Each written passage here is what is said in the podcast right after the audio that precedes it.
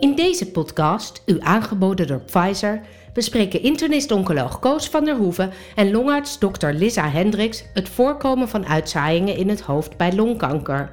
De symptomen hiervan, de behandeling van deze uitzaaiingen en de impact van de behandeling van hersenmetastase op deze patiënten en hun naasten.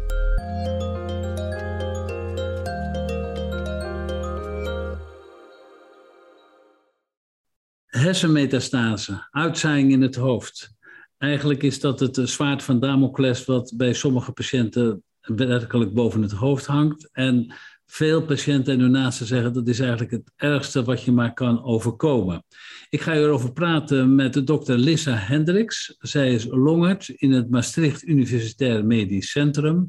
En ze ziet heel veel patiënten met longkanker. En bij longkanker komt helaas ook af en toe hersenmetastase voor. Welkom Lissa. Ehm, als, wat, wat voor symptomen geeft nou een uitzaaiing in het hoofd? Dat kan heel verschillend zijn. Uh, ik denk een van de meest voorkomende klachten is hoofdpijn. En dan heel typisch is hoofdpijn bij het wakker worden. Maar mensen kunnen ook problemen gaan krijgen met lopen, bijvoorbeeld de coördinatie, maar ook minder kracht of minder gevoel.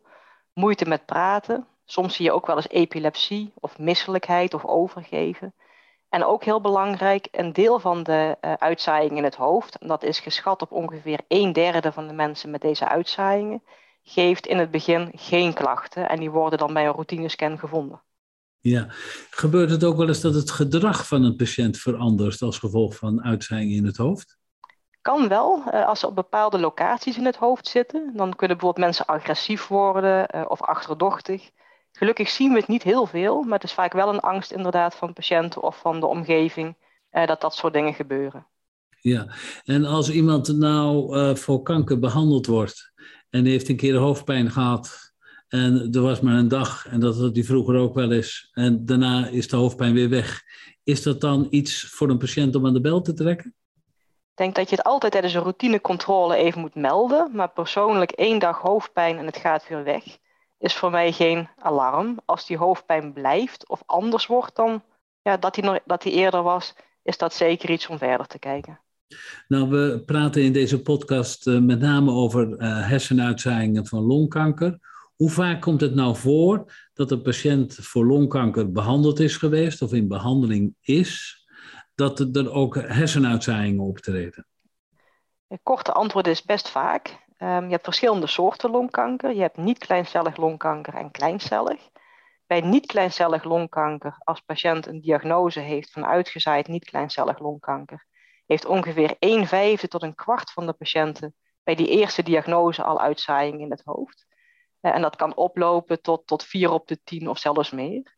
En bij kleincellig longkanker ligt dit nog hoger, dus vaak. Nou, als dat zo vaak voorkomt, moeten al die patiënten met longkanker dan niet een scan van hun hoofd hebben om te kijken of er uitzaaiingen zijn? Tot nu toe wordt er met name in Nederland gezegd, als je behandelplan gaat veranderen door het vinden van die uitzaaiingen, moet je een scan maken en je moet scannen als er een reële kans is op die uitzaaiingen. Uh, bij niet-kleincellig longkanker is dat met name als je lokaal uitgebreide ziekte hebt, dus een grote tumor in de long uh, met klieren tussen de twee longen in, dan weten we dat de voorafkans heel groot is uh, en dat je moet scannen omdat ook je behandelplan verandert. Als je een heel vroeg stadium niet kleincellig longkanker hebt, is de kans heel klein en scannen we niet. En als je uitgezaaid niet kleincellig longkanker hebt, zeggen we tot nu toe in Nederland dat je niet hoeft te scannen, omdat je behandelplan niet verandert. Uh, in Europa, in het algemeen of in Amerika wordt er veel vaker gescand, terwijl we niet goed weten of eigenlijk niet weten of dat de overleving of de kwaliteit van leven van een patiënt verbetert. Dan zou klein, het, en dan zou het de behandeling ook niet uh, veranderen. Nee. En bij kleincellig moet je eigenlijk bijna iedereen scannen. Ja, ja.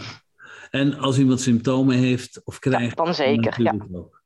Um, uitzaaiing in het hoofd, heeft dat nou een andere betekenis dan wanneer iemand uitzaaiing in bijvoorbeeld de lever of in de botten heeft van uh, longkanker?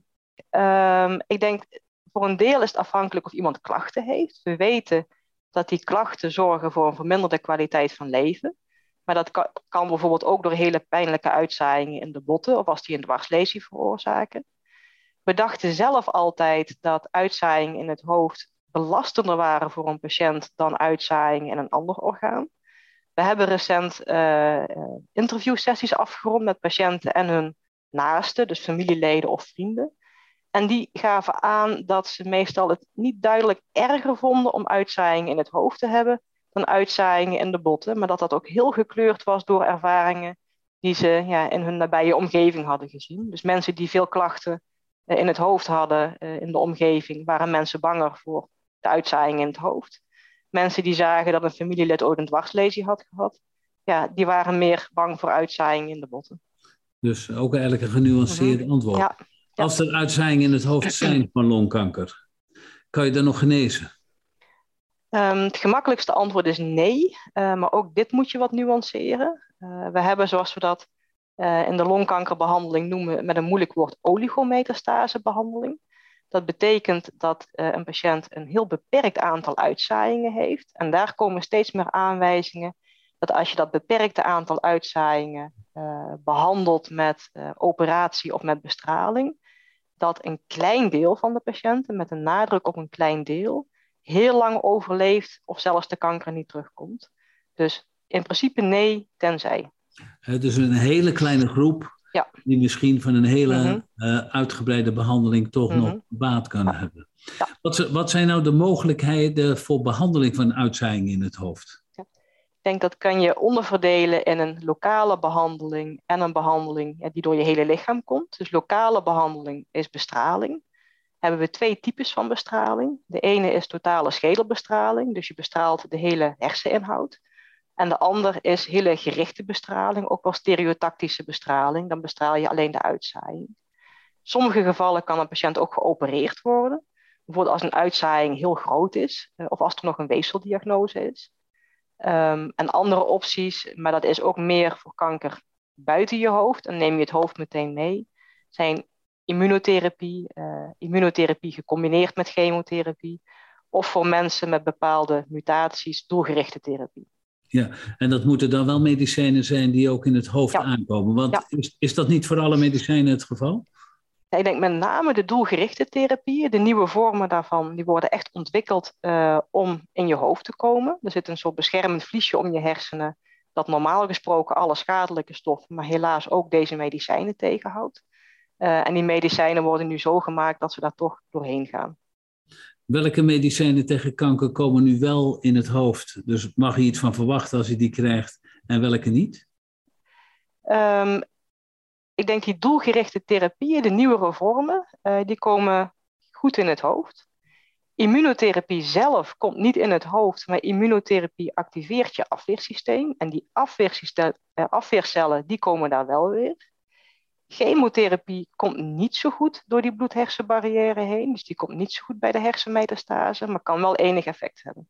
Ja, dus als een patiënt uitzaaiing in het hoofd heeft van longkanker, dan zou je niet zo vaak voor chemotherapie kiezen, omdat de kans dat je daar iets goed voor ja. de hersenmetastase doet, niet zo groot is. Dat klopt inderdaad, ja. ja. Ik wil nog even terugkomen op de bestraling. Wat zijn nou de belangrijkste bijwerkingen die een patiënt kan krijgen als die op het hoofd bestraald wordt vanwege uitzaaiingen?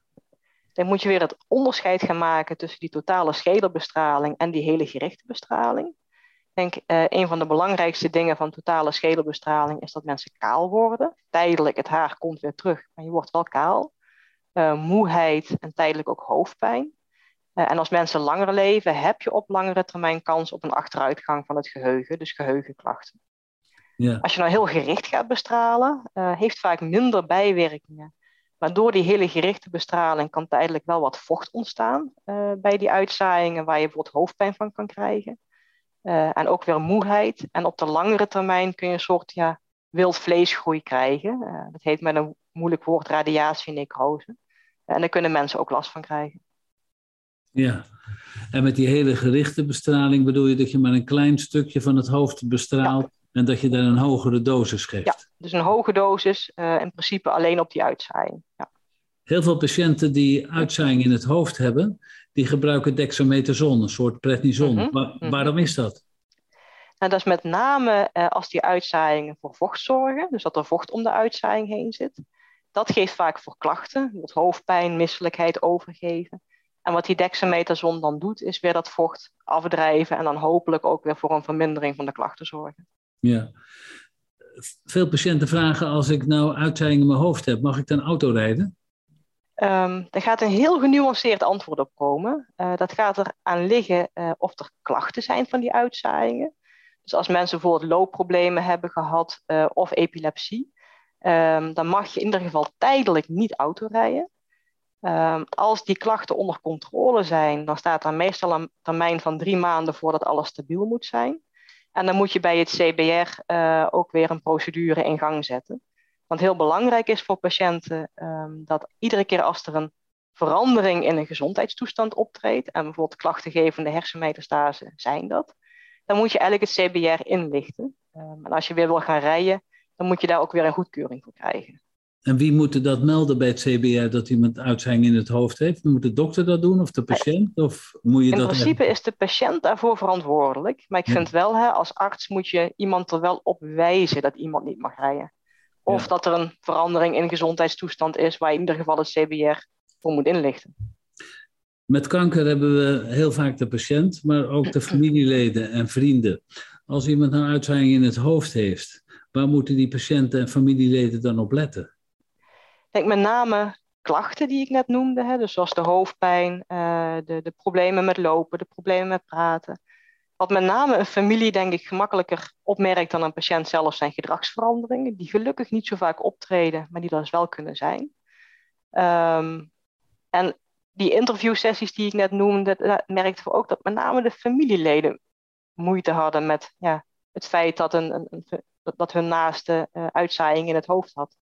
En ik weet, Longkanker Nederland heeft dan ook allerlei ja, ondersteunende groepen, uh, Facebookgroepen of bijeenkomsten voor mensen, uh, ook voor familieleden om steun te krijgen. Niet specifiek voor uitzaaiing in het hoofd, maar wel om steun te krijgen als je naaste kanker heeft. Ja. Wat zou je nou patiënten met longkanker en uitzaaiing in het hoofd nog als boodschap willen meegeven? Ik denk, belangrijk vraag aan je dokter na, is nu echt alles getest waar doelgerichte therapie voor mogelijk is? Juist omdat er goede resultaten mee uh, bereikt worden. Uh, en als patiënt ben ik in een, multidisciplinair overleg besproken, dus waar iedereen die verstand van uitzaaiing in het hoofd uh, heeft bij elkaar komt. Neuroloog, bestralingsdokter, chirurg, et cetera, et cetera. En is daar gekeken wat de beste behandeling is. Want dit moet niet de mening van één dokter zijn wat de beste behandeling is. Dit moet de mening van een team zijn. Ja, en je noemde al een paar keer die doelgerichte therapie. Mm -hmm. Kan je nog één keer proberen uit te leggen wat dat precies betekent, die doelgerichte therapie? Nou, we weten bij uh, niet-kleincellig longkanker uh, dat sommige van die longkankers, dat daar een mutatie in de kanker optreedt, waaraan die kanker, ja, simpel gezegd, verslaafd is om te groeien. Um, die geeft dus constant het signaal aan de kankercel om te delen.